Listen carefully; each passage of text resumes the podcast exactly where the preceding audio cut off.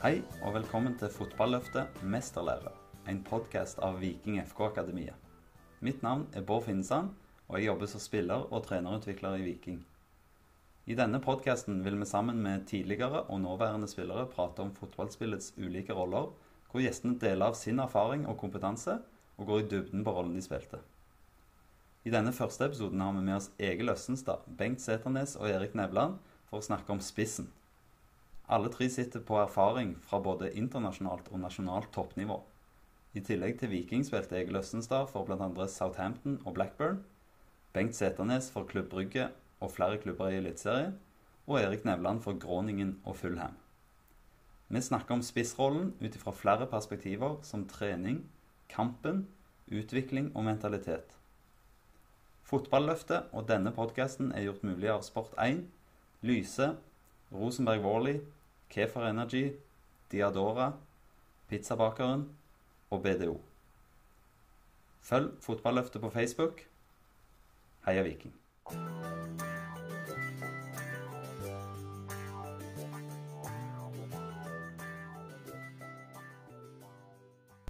Bengt, Erik, Egil, takk for at dere kunne komme på kort varsel og, og, og stille opp. Eh, håper vi kan eh, få, få eh, mye av deres erfaring, eh, innsikt, kunnskap eh, i, i, i, det vi skal snakke om. Vi skal snakke om spissrollen.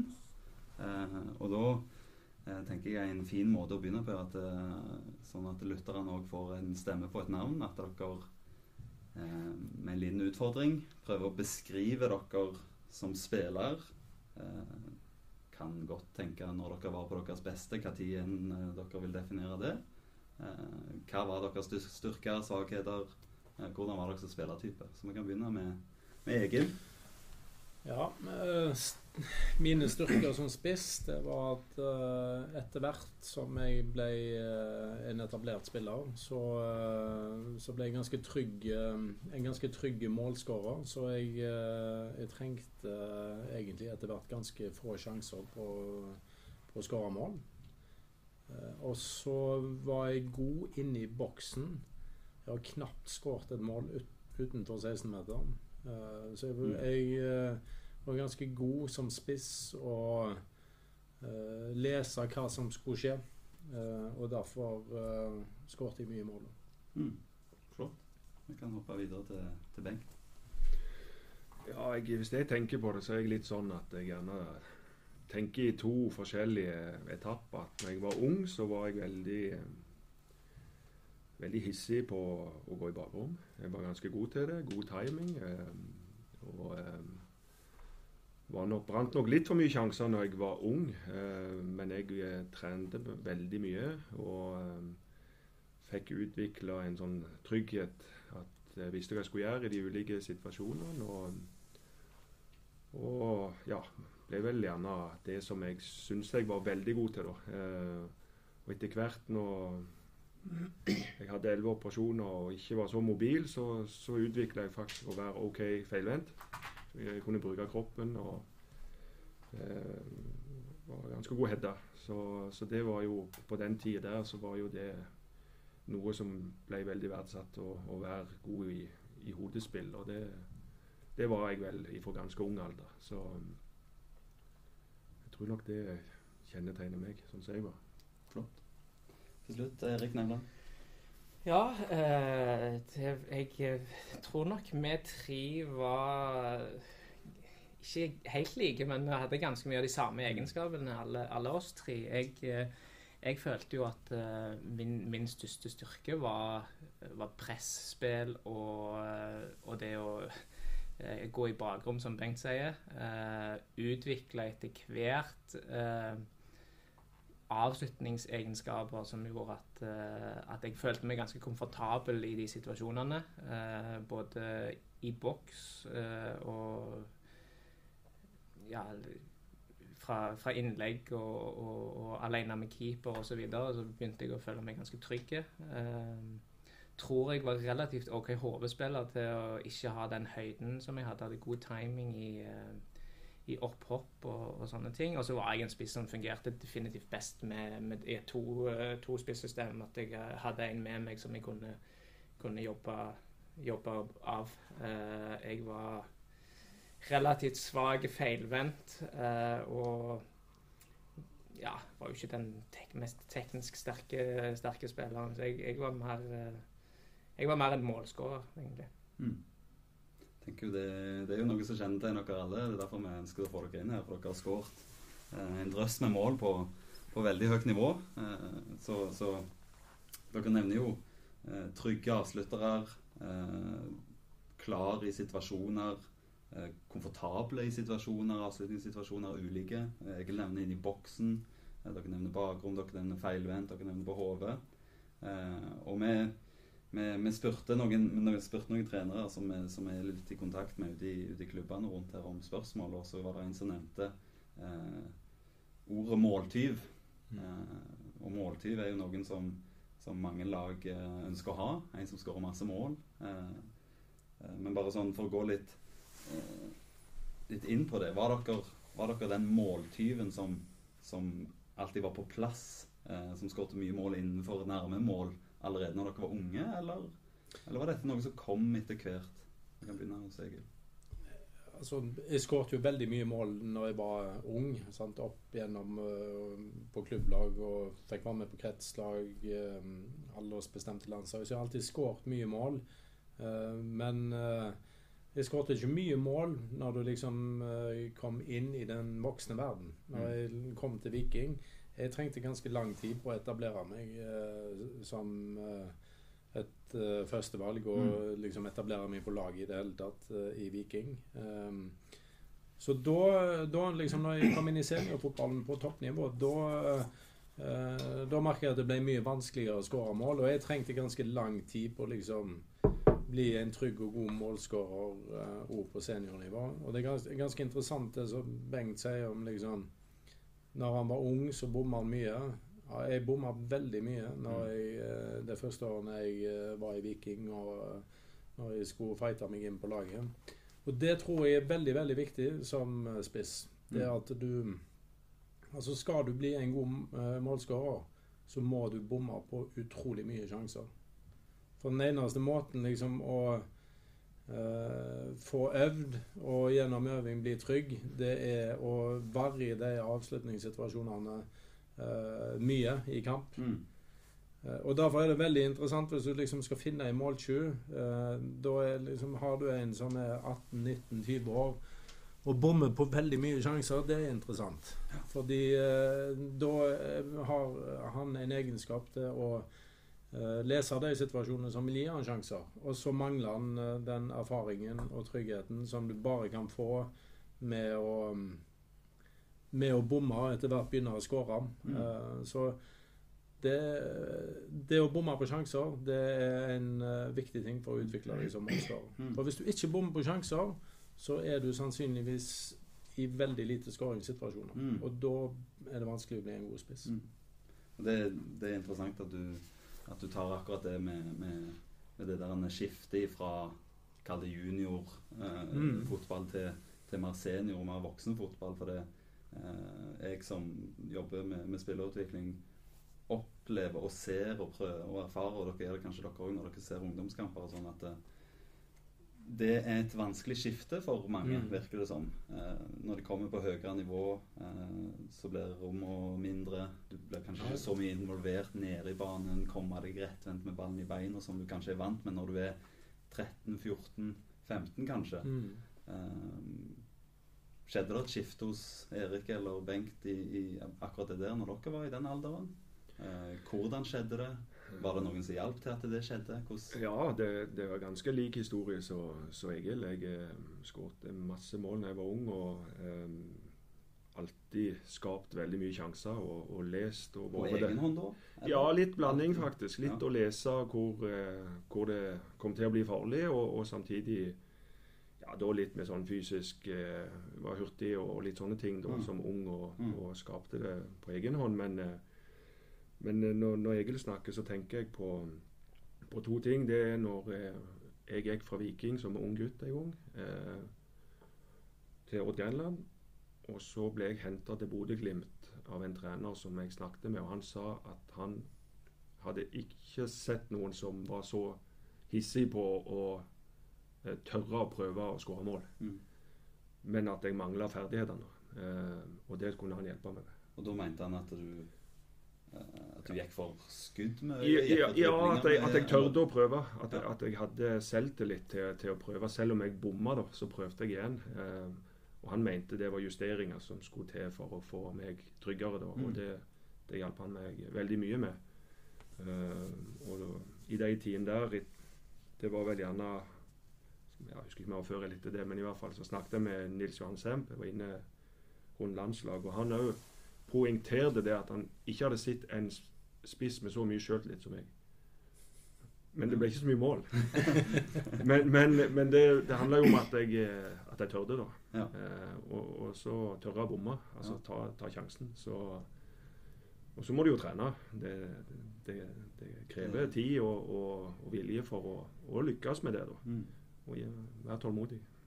Erik, var du, var du en dribler når du var ung, og så uh, gikk over til å være en, en måltjuv, eller var du en måltjuv allerede? Nei, jeg var òg sånn som Bengt og Egil, at jeg skårte mye mål når jeg var yngre. Eh, og, men, men jeg var ikke en sånn som gjorde det sjøl. Jeg var jo avhengig av å få de rette ballene og få komme i de posisjonene som, Mm. eh, som jeg trengte for å skåre. Men, eh, men det er veldig interessant i forhold til det når du Altså, jeg tror alle som skal bli en god spiss, eller som har blitt en god spiss, eh, må gjennom den omveltningen det er å gå fra ungdomsfotball til voksenfotball i forhold til antall mål, og du er vant til å skåre gjerne annenhver kamp, og så skårer du et mål i ny og ne, eh, eller gjerne ingenting på mange år. Sant? Så, så jeg tror at uh, den uh, Og der tror jeg vi mister mange akkurat i den fasen. Vi mister selvtillit, og de klarer ikke å, å holde opp og har ikke den driven til å, til å ta det neste steget. Uh, mens for min del så var det helt Altså, det var jo det kjekkeste jeg visste å skåre mål. Så når, når Egil eh, spilte ballag og jeg var ungdom, så sto jeg jo og siktet på han og han holdt på med avslutningstreninger og, og, og fulgte med og, og, og var veldig interessert i å, få med meg detaljer og, teknikker og lære den veien, da. Veldig mye med observasjon, da. Eh, så, så for min del så og så når du da plutselig løsner, så, og du får sjansen når du skårer et mål, så, så kommer det andre etter hvert. Eh, Mm. Og det tok, eh, tok lang tid for meg òg å, å få den. Hva alder typisk skjedde, skjedde det et, et gjennombrudd på akkurat den fronten der? Ja, men Det er jo det året når du er inne i den der etableringsfasen. Det, det, noen har jo en sånn eh, all, Eller ikke noen, altfor mange har en sånn urealistisk forestilling om liksom hva tid de skal etablere seg i seniorfotballen. Mm. Eh, For det første er det nesten ingen som klarer å etablere seg på toppnivå i seniorfotball. Og de som klarer det, for de aller, aller fleste, så tar det ganske lang tid. Mm. Eh, Men spillere er jo blitt fryktelig utålmodige, ikke minst omgivelsene rundt dem, og liksom tenker at eh, det å liksom gå ifra aldersbestemt fotball og inn på seniorfotball på toppnivå, det er liksom noe som du gjør med en gang. Det, det gjør du ikke. Mm. Men jeg, jeg tenker det, det vi snakker om nå, sånn treningsmessig, så er det jo det, Dette handler jo egentlig om å klare å eh, egentlig automatisere det, eh, det du har gjort i eh, aldersbestemt fotball med god tid, og klare å gjøre det med veldig dårlig tid. Eh, det, det er jo den, den transformasjonen som du er inne i. Mm. Eh, og jeg tror at liksom du mister en del på at eh, det, Jeg husker selv jeg hadde altfor mange avslutningstreninger opp gjennom uh, når jeg spilte ungdomsfotball og som senior. Jeg hadde altfor mye avslutningstrening som ikke ligna på noen ting av de situasjonene som jeg var i i kamp. Litt sånn klassisk som alle gjør, liksom. Spille opp til en legg tilbake og skyte. Mm.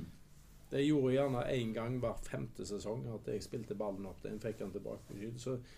Så, det, det er utrolig viktig at um, Og når jeg jobber med avslutninger med spissene, så Eller uh, altså uansett hva rolle de har på banen, liksom å sette de opp på treninga i de situasjonene som de er oftest i kamp.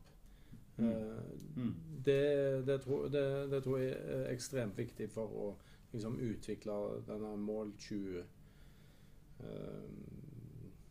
spilleren. Mm. For, eh, for det er ikke nok å bare øve i kamp. Altså er veldig mange som trener mye på avslutninger. De trener utrolig mye på avslutninger som de aldri gjør i kamp. rett foran seg. Ja, og det, det er en fin måte å liksom Du må jobbe litt sånn teknisk og bare rent tilslag og alt dette greiene her, men uh, det er liksom å prøve å sette opp de situasjonene som du er oftest i i kamp, og sette Mm. ned og, og tenke sjøl og sammen med treneren se hvilke situasjoner er jeg oftest i. Ta det med ut på feltet og begynne, begynne å jobbe med det. Mm. Eh, der tror jeg det er mye å gå på. Mm. Ja, jeg, er, jeg er helt enig, men for min del personlig så hadde jeg ekstrem nytte av akkurat det å bare skyte, jobbe med teknikk uten at det var kampspesifikt. Mm. Jeg hadde en ekstrem nytte av å bare se at nettet flagra. Altså bare Mm. få den feelingen av at jeg traff rent på ballen, eller at jeg satt den trygt der som jeg skulle, der som jeg sikta, osv. Så, videre. Så for min del så, så var det gjorde jeg mye det, og jeg syntes at det funka veldig bra. Og når jeg var i sånne tøffe perioder der jeg ikke skårte, sånn, så kunne jeg gjerne stå og, ta en 20-30 baller etter, etter trening bare for å treffe mål og se at nettet flagra, for det var en stund siden. Og det er litt sånn det tror jeg er veldig individuelt fra, fra spiller til spiller på hva som, hva som treffer deg, men, eh, men for meg funka det veldig bra. Mm. Ja, jeg er enig med, med begge to. Altså, jeg, når, Erik snakker nå, så, så tror jeg det er, viktig, det er viktig å poengtere at når han ville tro drev den type trening, så sto han ikke på 30 meter. For det er det veldig mange gjør. altså De står og trener langskudd, og, og da er du inne på det som Egil sier. at Når er du i den situasjonen Mm. som en spiss? Det er mer sånn midtbane som kommer på en retur. at altså du må komme deg inn i 16, og så må du ha, mest sannsynlig ha hjelp av noen som server deg med baller i ulike situasjoner. Litt bakfra med vending og, og innlegg og i ulike varianter. Men at du, at du jobber derifra. Og, og da få nettet til å flagre, som Eirik sier. For det, det er jo det som betyr noe. Det er jo da du får trygghet, når du ser du klarer å skåre. Da må, du, da må du rett og slett begynne så nærme at du klarer det, og så får du heller dra deg litt ut etter hvert. Mm. For å få en mestringsfølelse, da. Ja. Gjorde dere dette på, mye på egen hånd, eller hadde dere eh, ressurser rundt dere i klubb, andre, som, som virkelig hjalp dere eh, til dette her, og hvem, hvem spilte størst rolle, hvis dere har noe spesifikt?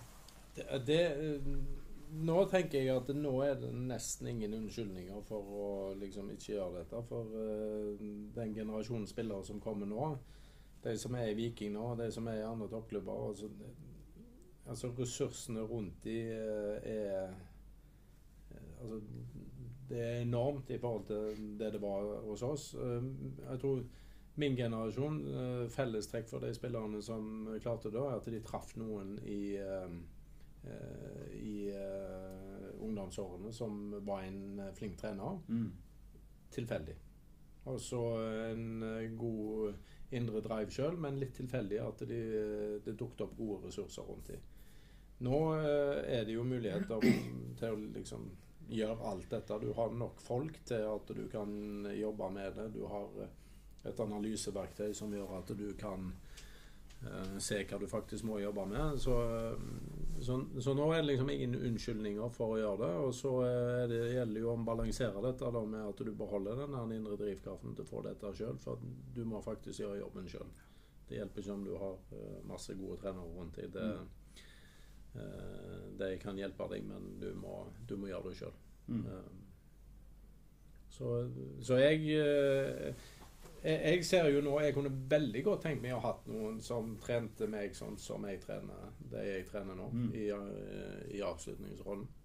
For eh, jeg har brukt altfor mange timer på å trene feil avslutningstrening, eh, trening. Ja. Så jeg er enig, men jeg er enig i det som Nevi sier, den der den gode følelsen av å bare sette ballen i mål, den må du gjøre noen ganger. Den, eh, om du er 18 eller 32, du har perioder du bommer på eh, sjanser, og da er det liksom å bare treffe det målet. Det- Du må begynne der. Mm.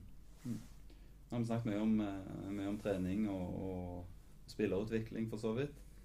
Prøve å komme oss litt inn i kampen og spille, spesifikt. Jeg har noen, noen spørsmål. Dere snakker mye om bevegelse, lese situasjoner. Eh, men dette her med motstanderen og, og hvordan dere jobbet for å få en fordel eh, Jeg har skrevet i hvor stor grad gjorde du et aktivt forsøk på å manipulere motstanderen. Kan være han som markerte deg, eh, hvordan, hvordan jobbet dere med? Hva så dere etter? Kan dere beskrive litt dere, hvordan dere jobbet i kampen? Jeg, nei, Bengt kan sikkert begynne. Ja, altså det, det, For meg òg så er jeg liksom i to faser. da, Som ung og rutinert spiss. Så, så, kan godt gå på rutinert. Uh, ja, altså da er du såpass mye erfaring at du Da er du liksom tid, veldig tidlig ute med å posisjonere deg i forhold til et innlegg. Du vet når ballen er der, eh, så blir gjerne stopperen dratt mot ball. At du klarer å være tålmodig. og eh, Ting som, som, ikke er naturlig når du er ung. da. Eh, men, men uh, se utslagene deres. Om de blir dratt der, så er det et rom der, så mm. går du der. Og, og da er ofte en fordel hvis du har en link med en spiller i laget der, som, som, kjenner dine bevegelser. Uh, og, og, hvor du leter etter. Men, mm. men, det her med Som jeg ofte sier til en spiss ved et innlegg, en god posisjonering er hvis du, hvis du ser hvor nummer spilleren har på ryggen, så står du bra.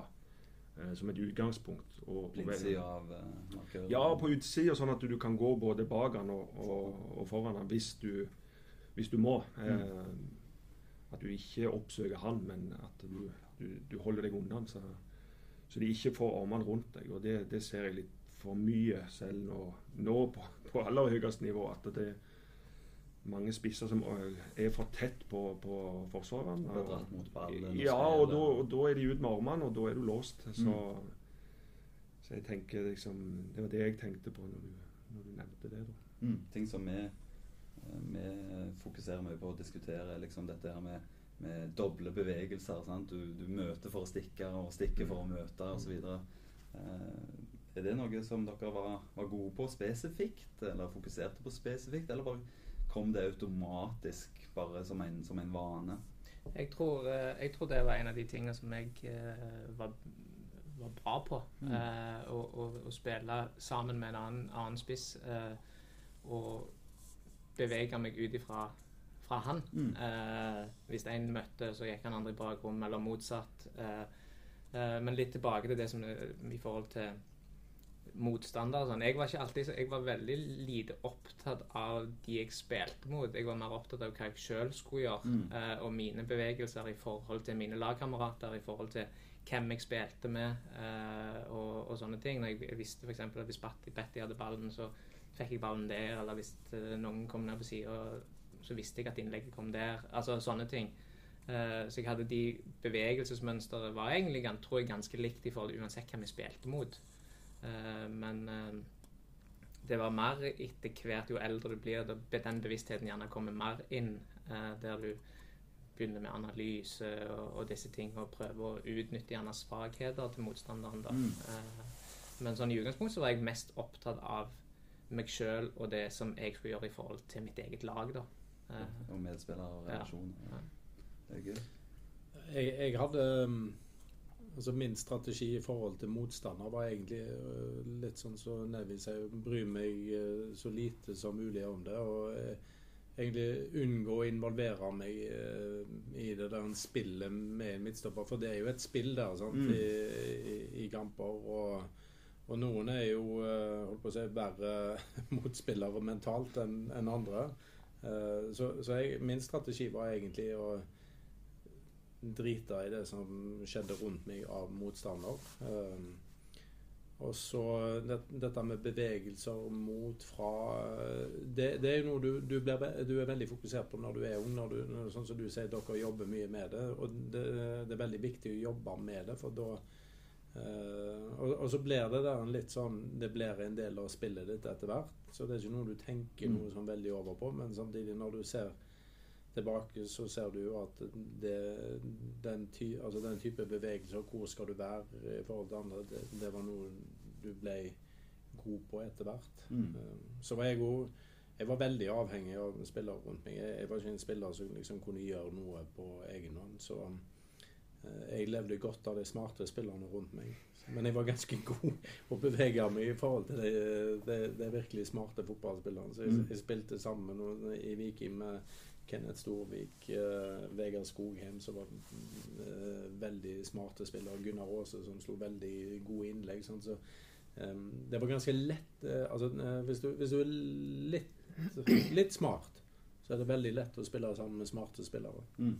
Eh, så eh, det gjorde I forhold til motstandere ikke bli involvert. Konsentrer deg om det du, det du spiller sammen. med og, Mm. og posisjonering. Det. Men, men jeg bare skyte ned så ting. Ja. Eh, det jeg tror jeg var ganske god på, det var at uh, jeg tok løp uh, som jeg nødvendigvis ikke fikk ballen på.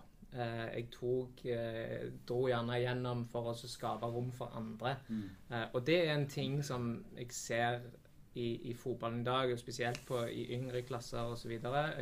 På toppnivå òg, faktisk. At det, der er vi blitt eh, Det, det, det har vi mista litt, tror Mm. jeg. At det, det der drittløpet på første stolpe for å dra med deg en stopper eh, sant, som ser det veldig sjelden. Til og med på toppnivå i, i dag så ser du veldig sjelden de der kjedelige, viktige løpene. Mm. Eh, og det tror jeg var, var ganske bra. Eh, og nå, nå I denne koronatida så har det jo vært litt sånn uh, flashback-tid med gamle kamper på YouTube osv. Da, da legger jeg merke til at jeg har ganske mye sånne type, type løp som skaper rom for andre. Mm. Uh, og det, det tror jeg faktisk var en styrke.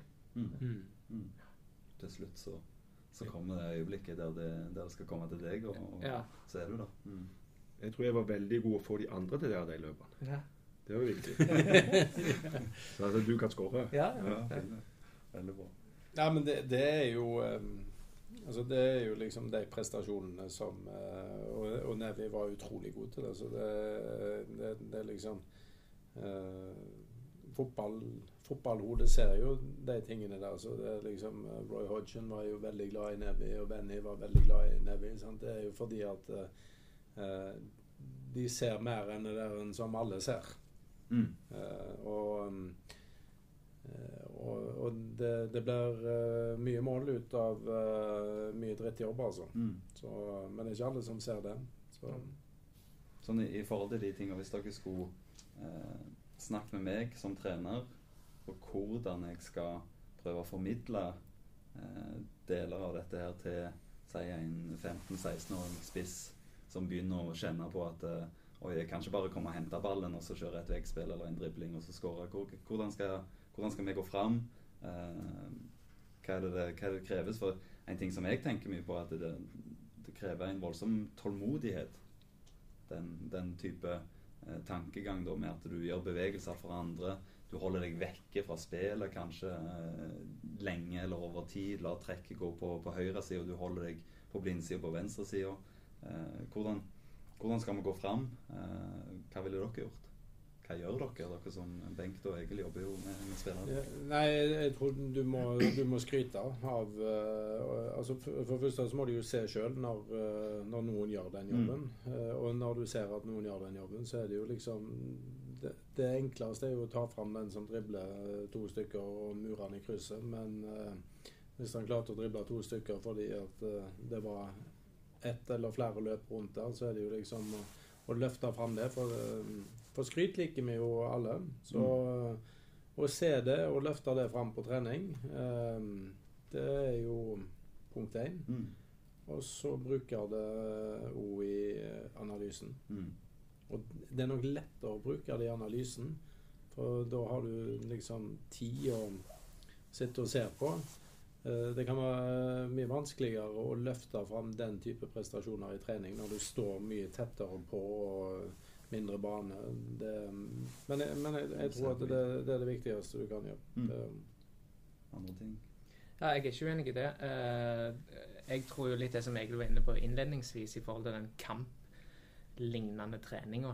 Uh, tvinge de løpene i trening. eh, jobbe med de. For det som òg handler mye om på Spesielt i innløp i boks, så må du kunne lese den som slår innlegget. Altså hvor er ballen, hvordan eh, er han stilt, Eh, er det sånn at han skal slå den på første touch, eller skal han ta et touch, og så legge han Det er sånne ting du må lese ganske tidlig på forhånd for Mm. å kunne posisjonere deg, og ikke minst for å kunne ta midtstopperen på, på hælen, da. Sant? At eh, OK, når han er posisjonert sånn, så kommer han til å slå han direkte, og da kan jeg snike meg foran og jobbe med det på, på trening, da, i forhold til prøve å lese de, og, og tvinge spissene til å ta de løpene, uansett eh, om de får ballen eller ei. Mm. Eh, sånn at det blir en del av DNA-et. og Når du da det skjer i kamp, så er det et eller annet her ubevisst som, som slår inn. Og, og, og, du tar det løpet, og så kommer han bak og setter han. Sant? Så litt, eh, litt den der kampspesifikke treninga som Egil snakker om. Så, så, i innleggssituasjoner så, så det er mange som snakker om at uh, han som er nærmest der innlegget kommer, skal spinne rundt og gå på bakre. Det skal komme en fra motsatt igjennom.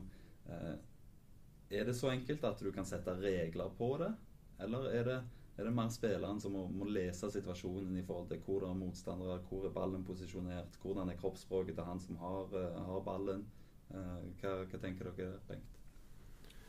Jeg tror at det er greit å ha noen regler, men, men hvis jeg trener, trener de jentene i Viking nå, så, så, sier jeg til henne Da spiller du gjerne med en spiss og, og to vinger. At det er spissen som dikterer hvordan det skal være inni der. At de som Altså, de må se hvis det er sånn at uh, Vingen ikke har kjangs å nå først, og så må du ta den. Mm. Men hvis det da er en situasjon som tilsier at de kan gjerne nå, så kan du velge å og som jeg sa i forhold til Erik, å sende dem på første, sånn at du kan få et rom til å gå på bakre. Uh, men, men er veldig situasjonsbestemte der i forhold til uh, jeg, jeg, tror du må prøve å lese og, og tidlig hvor du tror han kommer, og så må du gå 100% Ja, det, det er veldig viktig. Og, jeg, jeg, jeg, tror jo det er litt eh, spilleravhengig av hva type spiller du er. Jeg var jo en type som stort sett alltid gikk på første stolpe. Uh, og hvis du skulle satt meg og Bengt opp i, i samme situasjonen, så ville det vært mer, mer naturlig for han å spinne og ta den uh, bak, mens for meg ville det vært mer naturlig å, å, gå foran. Så jeg var veldig lite opptatt av kryss og alt dette her. Jeg var bare opptatt av å komme meg foran første stopper og sørge for at uh, hvis ballen var lav, så skulle jeg være der enten ta den videre eller sette den på mål. Og så hvis ballen kom over, så var det noen andre som, uh, som tok den jobben. Uh, så det tror jeg er veldig avhengig av hva type spiller du er, faktisk. Det er interessant. Egil gjorde, gjorde alt, begge deler? nei, men, nei, men jeg, tror, jeg tror det, det altså det er alltid greit å ha et utgangspunkt. Eh, det jeg eh, sier til de på damelaget som jeg trener, det er liksom mer opptatt av du, du, skal vente så lenge at det gjør vondt uh, før du går. Sant? For du, du, må ha fart, og må, for å komme foran, som det vi snakker om, så, så må, du, må, du, vente så lenge at du er nesten helt sikker på at det nå blir for sein. Uh, og det gjelder litt uavhengig av hvor du skal. Altså det, den, den spilleren på første stolpe, det, det, er gjerne den regelen. Hvis det er en regel, så tenker jeg at er du, er du alene, så skal, liksom, er den store hovedregelen, da må du gå på første. Da må du prøve å komme deg forbi den uh, første midtstopperen. For, um, enten for å skåre eller for at du sørger for at ballen kommer videre. For er det ingen på første, så, så blir det ganske enkelt å forsvare seg. Mm. Det, det, det men det er jo drittjobben, for det er jo på første stolpe, det er jo der det smeller. Det er jo der det gjør vondt. Det er mye mer behagelig å lure seg uh, inn på bakre stolpe. Absolutt. Du ser jo mye i, i, uh, i fotballen nå, så, så, har jo disse her kommet seg til linja 45 på enten første eller straffemerket. Det, det kommer det mye skåringer fra. Mm. Uh, så, så, Men igjen da så er du avhengig av han som går på første stolpe for at du skal kunne ha den. så, det er ganske mye som avhenger av det løpet, uansett hvor godt eller dårlig det er, så er mm. det ganske mye som avhenger av, av det løpet for en, for en spiss, eller for laget, da, mm. uh, i, i skåringssituasjoner. Mm. Og Det er faktisk eneste måten å gjøre dårlige dårlig innlegg og Det er jo noen dårlige innlegg òg. Det er ganske mange av dem, faktisk. og Den eneste måten å gjøre dårlig innlegg til et godt innlegg på, det er at noen faktisk er villig til å kaste seg inn foran den stopperen som står der først. Mm. Så så nevner dere, eh, dere nevner relasjoner med medspillere og sånn. Eh, og et spørsmål er, som jeg har, som jeg har eh, kommet fram til Hva var det viktigste en medspiller kunne gjøre for deg og ditt spill for at du skulle, skulle lykkes i kampen? Bare skyt inn den som, den som vil først nå. Litt uh, djupt spørsmål, kanskje, men, men prøv. Gode innlegg satte jeg pris på. Hva er et godt innlegg? Hva er et godt innlegg? Nei, det, det er bedre med et godt innlegg bak målet enn et dårlig foran. Ja. ja jeg, tenker viktigste det er jo uh, se deg. Ja. Få blikket opp og faktisk se Ja, det er jo uh, Det hjelper ikke om du gjør aldri så mye smart hvis uh, du ikke blir sett. Mm. Og se deg handler jo ikke om at du skal få ballen, men se deg handler jo faktisk om Eh, Det som Nebby snakket om her tidligere, å liksom eh, se og utnytte det at Neville gjør et løp som man egentlig vet at nå får jeg ikke ballen. Mm. Noen må jo se at det, det ble en mulighet ut av det. Mm. Mm. Det, det er helt, helt sant. Det er ingenting som er så frustrerende for en eh, spiss som å springe der framme og ta masse løp, og du, de ikke ser fram engang og bare slår ballen sideveis tilbake, og du går på løp, og så Nei, jeg gidder ikke slå en bak. Det er ingenting som er så frustrerende Nei. som det. det Det er jo, det er jo noe vi, vi merker òg. Vi, vi snakker mye om at vi skal kunne øh, mestre ballbesittelse, holde på ballen og bygge opp spillet. Eh, og så kanskje glemmer vi litt ut, men, men vi, legger, vi har iallfall begynt å legge mye trykk på det at eh, når du spiller for ballen, som spiller, når som spiller for ballen eller har ballen, eh, se etter det som er lengst vekke og nærmest mål først. Mm. Eh, legg merke til hva som skjer der, og så ta, ta og gjør aksjoner basert på er det mulig å gå rett til mål? Er det et godt løp fra Erik Nevland på, på topp der som vi kan ta, så skal vi ta det. Eh, hvor, mye, hvor mye brukte dere tid på å snakke med de aktuelle medspillerne eh, i kampen? Overraskende lite. Ja. Eh, Skjedde mer på, på trening? Brukte dere mye tid på å prate om Nei, men det, det er litt sånn rart, altså. Fordi eh, altså Det som har vært eh, viktig for meg, og liksom mest målgivende for meg, og, og spilt meg gode, det, det er bare noe du finner ut av uh, utpå der. Og eh, det, jeg har aldri liksom snakket meg til en sånn forståelse. Det, og noen ganger så bare treffer du med en gang. Jeg spilt uh, når jeg kom til England, så, så, så kom sa- Samme uke som meg så kom det en spiller fra Israel som heter Eyal Berkovic. Fantastisk eh, offensiv midtbanespiller. Og han, han gjorde jo meg god. Eh, og når han forsvant, så var jeg litt sånn lost i noen eh, måneder. Eh, og jeg hadde jo ikke snakket med han før. Men det var liksom Men Han var en smart spiller. Mm. Og, men men eh, overraskende lite, i hvert fall for min del. Så liksom du har sittet ned og diskutert når jeg gjør sånn, så gjør du sånt. Og det, du finner bare ut av det med noen. Mm. Okay?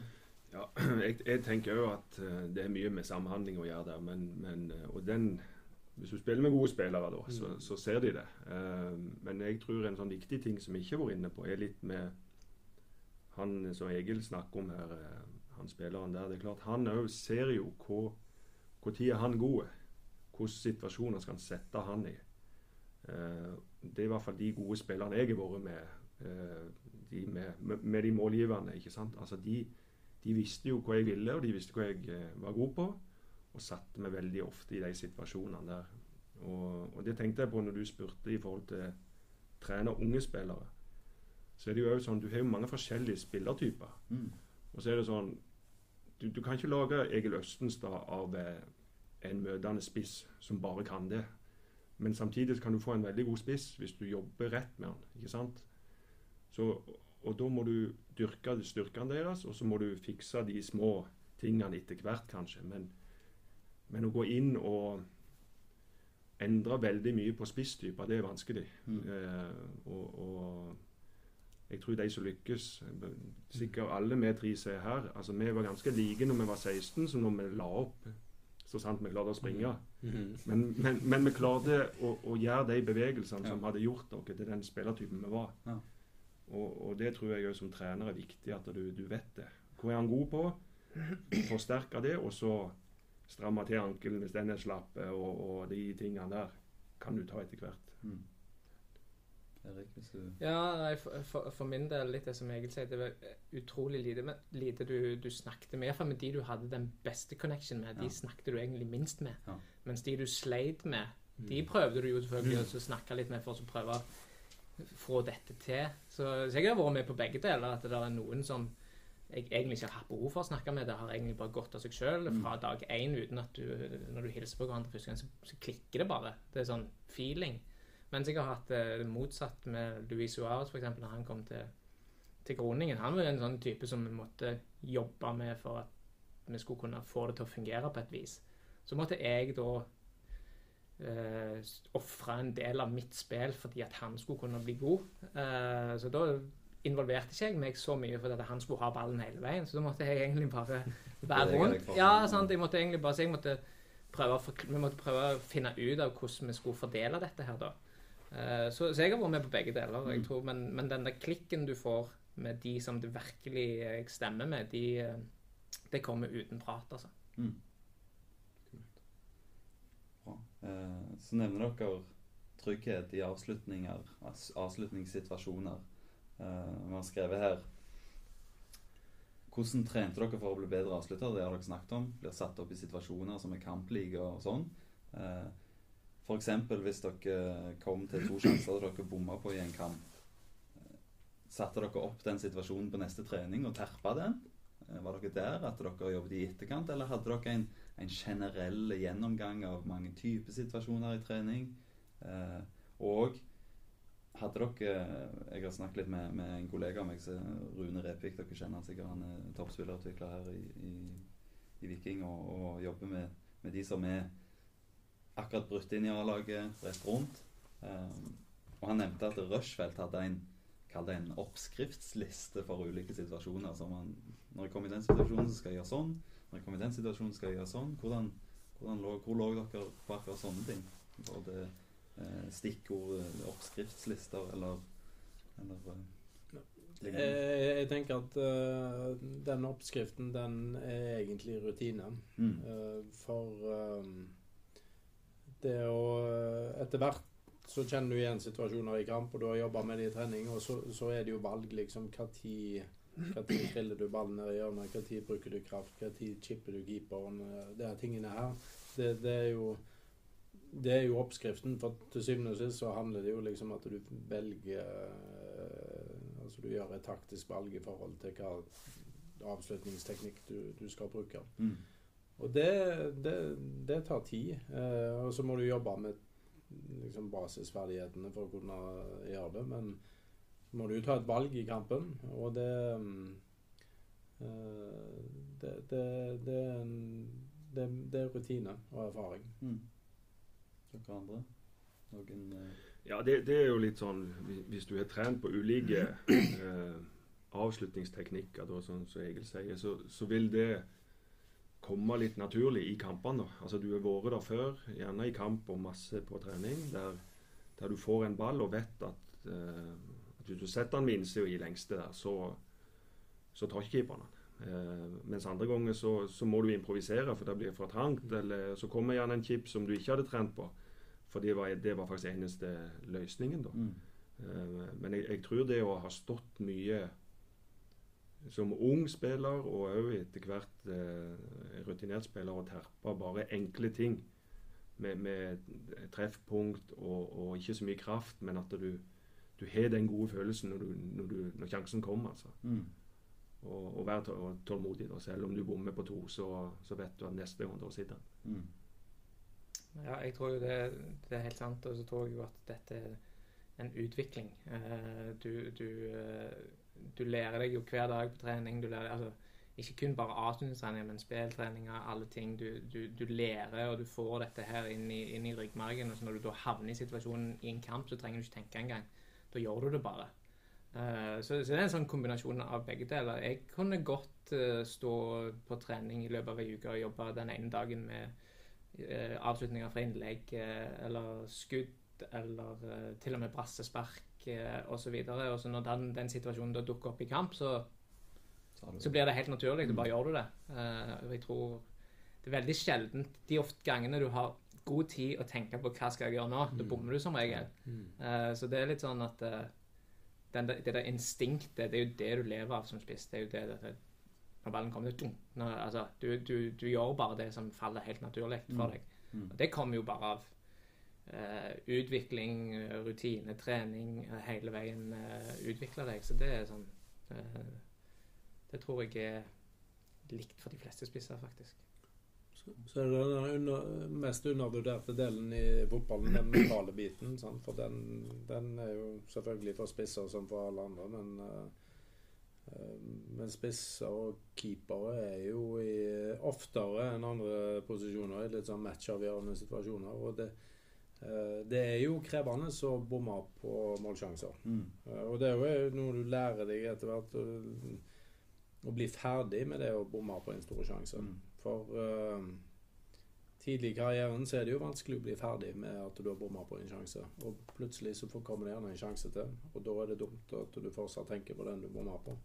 Så denne mentale biten av liksom å lære deg å tåle å bomme og liksom bli ferdig med det Du vet det kommer en ny sjanse, men da er du liksom ferdig med det som var. Det, eh, det, den er jo viktig for å, for å både prestere og skåre mye mål. Også. Mm. Det, det er perfekt at du nevner det, for jeg tenkte vi kunne ta avslutningsvis og gå litt på det mentale. Eh, det er òg noe som blir, blir mer og mer vektlagt i, i, i trenings, uh, treningslære osv. Hvordan du skal uh, utvikle spillere. Vi skal være bevisste på det mentale. Vi har masse stikkord som vi skal være bevisste på, som stressmestring, mestre motgang, som du sier. Eh, selvregulering, at de er flinke å planlegge, evaluere og reflektere. Eh, for å begynne litt åpent. Når dere er på deres beste, eller var på deres beste, hvordan var dere mentalt? Hva tilstand var dere i da? Enten dere kan snakke om en spesifikk kamp, en spesifikk eh, situasjon, eller over tid av og på banen. Hvor, hvordan, hva er det som eh, kjennetegner at når du er i, i siget, for å kalle det sånn, da, eh, hvordan, hvordan er du da? Da, da går det av seg sjøl. da trenger du ikke tenke. Da, da, da tenker du ikke på som jeg vil si, at du bommer på en sjanse, eller eh, du tenker ikke på hvordan skal jeg gjøre det. Du bare gjør det. det du, du er i en helt annen sone. Eh, jeg tror som, som spiss så opplever du gjerne det én, to, tre ganger i løpet av en karriere at du virkelig er i flyten. At nå, nå kan en Skyter jeg nå, så skårer jeg. Altså uten at du tenker på det. Eh, det tror jeg bare to ganger i min karriere der alt går inn. Uh, og da Da er det enkelt. Da er det kjempeenkelt. Mm. Uh, men det er jo gjerne snakk om uh, Hvis du tar 16 år som spiller, så er det gjerne snakk om ett år, år til sammen. Så det er de 15 andre, da sleit jeg mer. så, så det er litt sånn Det er det enkleste som finnes i fotball, det å være inne i de gode periodene. Ja. Det, det er ikke det som definerer deg som spiller, det er mer det hvordan du takler den uh, motgangen, og hvordan du takler det å ikke lykkes. Det Mm. tror jeg definerer deg mer som person og spiller enn en medgangen. Mm. Ja, det, for meg var det i hvert fall sånn at det, hvis jeg hadde de gode kampene, så var det veldig sjelden en overraskelse. Det var sånn at jeg visste at nå, nå nærmer det seg. Altså, det kan ha vært Du har vært ute av form eller du har vært skada, så du fått trent deg opp og så har du fått gjort alle forberedelsene. Sånn at du i grunnen bare går og venter på at det skal komme. da. Eh, og da har du gjerne jobba veldig hardt over tid da, for å nå den der, ikke sant. Eh, sånn at eh, Jeg satt ofte med en følelse at det, i dag skårer jeg. Det, det er bare helt sikker. Mm. Og, og veldig ofte de gangene den, den kom, så, så spilte jeg ofte bra. Mm. Da hadde jeg gjerne gjort de rette tingene i forkant, og, og selvfølgelig litt flaks og sånn, men, men det, er- jo noen selvfølgelig noen kamper der du virkelig husker. og i ettertid gjerne bare pga. du vet resultatet, men hvis du tenker på kampen, så husker du ingenting. Mm. For at du var så Skylappene var på, og, og du, du var så opptatt av å gjøre det bra at du, du bare gikk utpå der, og så stemte alt. Mm. Så, men det tror jeg jo kom over hard jobbing over tid, altså. Mm. At du får de opplevelsene. Da nevner du jo de, de rette tingene i forkant, mener du. Hva, hva, hva er de rette tingene i forkant og i løpet av ei treningsuke, i løpet av eh, et halvt år? Hva, hva er de rette tingene, tenker dere? For, så for å kunne prestere som en spiss, eh, og prøve å være spesifikke på ting dere gjorde for å Hva som helst. Men det, det tror jeg ikke noen finner finne noen fase på. Men jeg tror bare, som Bengt og Nembi sier, det kjennetegnes jo av at det liksom Når du er i den flytsonen, så, så bare gjør du det. det Mm. Da er det enkelt. Eh, Men, men det er jo der det liksom store potensialet for å eh, ta nye steg i fotballen som spiller er jo Det er jo for det er jo helt rett som Nembi sier. Det er jo, det er jo Karrieren er jo uh, mye mer av uh, hverdag og dårlige opplevelser, Mm. egentlig.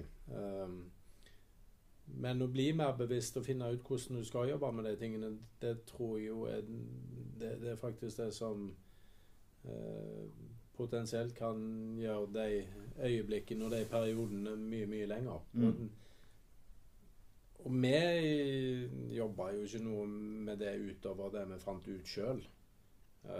og jeg, jeg har ikke noen sånn eh, mental oppskrift på liksom hva jeg eh, gjorde i de periodene jeg var god, men, men jeg tror eh, for spillere, unge spillere altså Spiller du seniorfotball, er du ung altså, det, det, tror jeg, jeg, tror det er et enormt potensial Mm. um, um, i å, å bli mer bevisst hva du jobber, hva du må gjøre. Og, og det kan være helt forskjellig fra, fra alle spillerne i en tropp. Og, og derfor er det så viktig at uh, du gjerne bruker tid på det.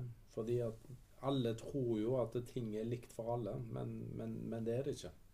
Sant? Mm. Så hvis uh, Altså Hvis jeg sier ja, det er viktig å gjøre sånn og sånn og sånn i uka før kamp, og så er det noen som hører på, og så Ja, det sa han. Det, var, det sa jo han var smart. Da gjør jeg det. Så spiller han ræva. Sant? Mm. For dette, dette er veldig individuelt. Mm. Ja, det, det, det er riktig. Altså, jeg, jeg hadde litt sånn opplevelser med at som ung spiller at jeg måtte gjennom de tingene for å være klar til kamp og sånne ting. Men vet, etter hvert som du blir eldre, så enten har du ikke tid, eller så har du ikke kropp til å gjøre de treningene som du har lyst til for å være klar. Så da må du hele veien Så når du begynner mandagen, så er det liksom kampen da som er det viktigste. Så må du liksom gjøre det du kan for å være klar til kamp. Uh, og ikke sånn selv om du har ei dårlig trening da på torsdag og fredag, så betyr ikke det at du ikke kan være veldig god på, på kampen. Mm. Og ikke bli så veldig prega av sånne opplevelser du gjør i trening. For det, allikevel så, så ligger det i banken som en, en erfaring. Mm. Eh, og det tror jeg jeg var veldig god på etter hvert. At jeg selv om jeg ikke var i grunnen klar til kamp fysisk eller eh, ja, at jeg var sliten eller hva det var, så klarte jeg å mobilisere til kamp. For at jeg hadde sett for meg at det kunne skje. Ja. Og det, det er jo kampen som, som man husker. og, og og så er litt Egil og begge var inne på i forhold til antall spilte kamper, så husker du jo bare de gode. Ja. Det er jo fordelen med å spille. Du glemmer jo alle de dårlige du spilte. Heldigvis. Ja. Ja, jeg tror det er, helt, det er helt avgjørende det som Egil sier i forhold til at her er det ingen som er like. Alle Altså, det er ingen som fasit på hvordan en oppbygging mot en kamp skal være. Hvordan det, her er det så mye forskjellige ting som spiller personlig, andre ting som, som spiller inn. Så for oss tre så er jeg helt sikker på at vi hadde alle forskjellige måter å forberede oss på eh, mentalt og Mm. fysisk og på alle mulige måter, egentlig. Så det, det tror jeg jo er, er nøkkelen her, at det er veldig individuelt. Eh, jeg tror Altså for min del så lærte jo jeg meg til at eh, jeg hadde Bjørn Hansen som trener på landslaget, og han lærte ganske mye. Han var ganske flink. og Han, han sa til meg en gang at jeg, var ganske nervøs før kamper og, og sånt. Og så sier han "Men hva er egentlig det verste som kan skje uh, i løpet av de 90 minuttene? Det er jo at du vi taper, og at du ikke skårer. Det er jo det verste som kan skje. Og etter det så begynte jeg å tenke litt sånn Det er jo egentlig ingen konsekvens av å verken spille Ja, du kan miste plassen på lag osv., men i det store og det hele så er det, spiller det ingen rolle. Eh, og da fikk jeg senkt skuldrene litt tenkt at det, Ble du, ble du mer stabil da i hvordan du tenkte og sånn? For det, mange nevner det at du må, du må ikke la deg rive med av medgangen. Og du må ikke på en måte falle for lavt når du opplever motgang. Er det, er det en sånn stabil kurve dere føler dere var på når dere var på deres beste, eller eh, Ja. Det er nok lurt uansett, det der, Inge. Altså, om det mentalt eller eh, det, For det er nok sånn at du er nok veldig sjelden så god som du tror du er når du er god, og så er Mm. du veldig sjelden så dårlig som eh, Og det, det gjelder jo for laget.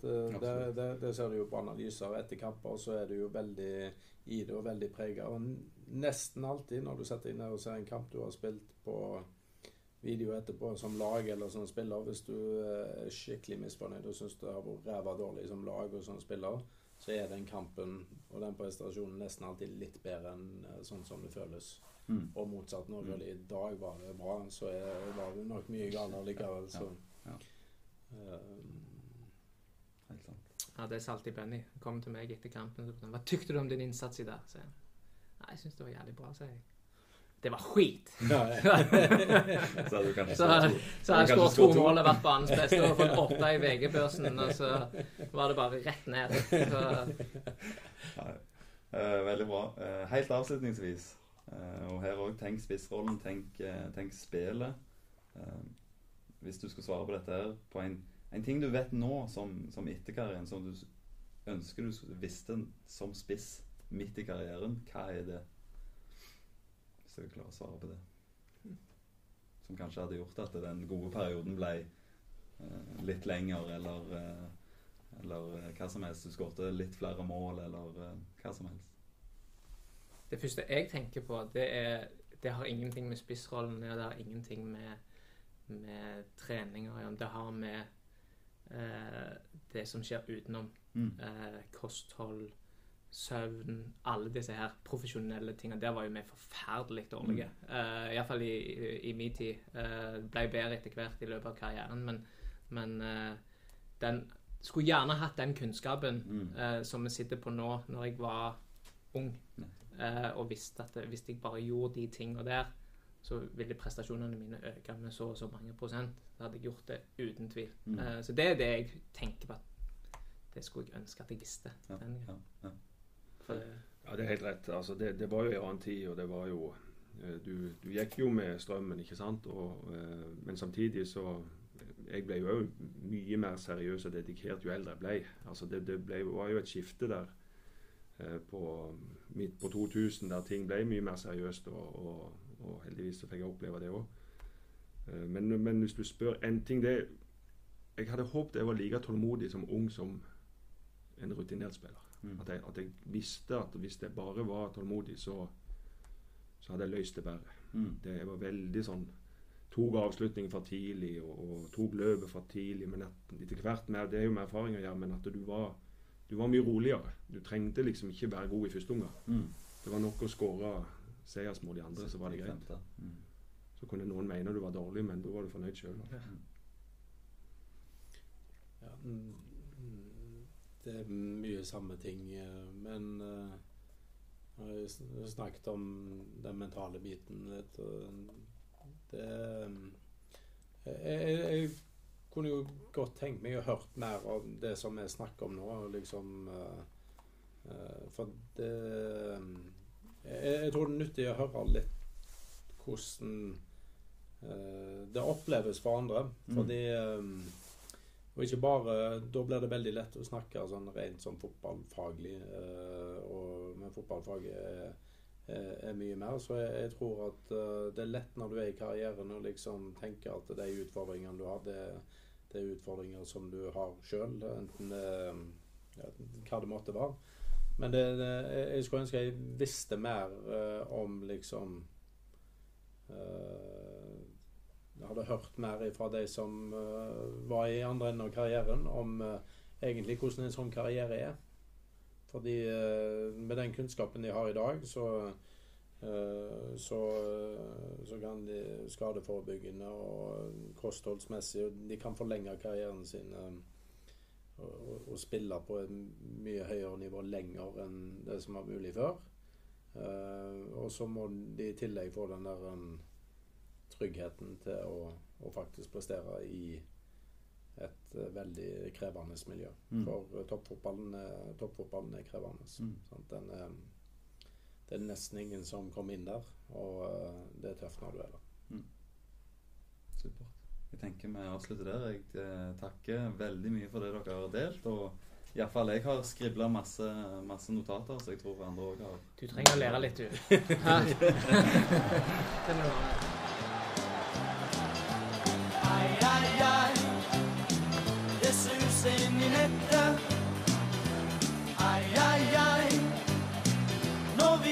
lager mål,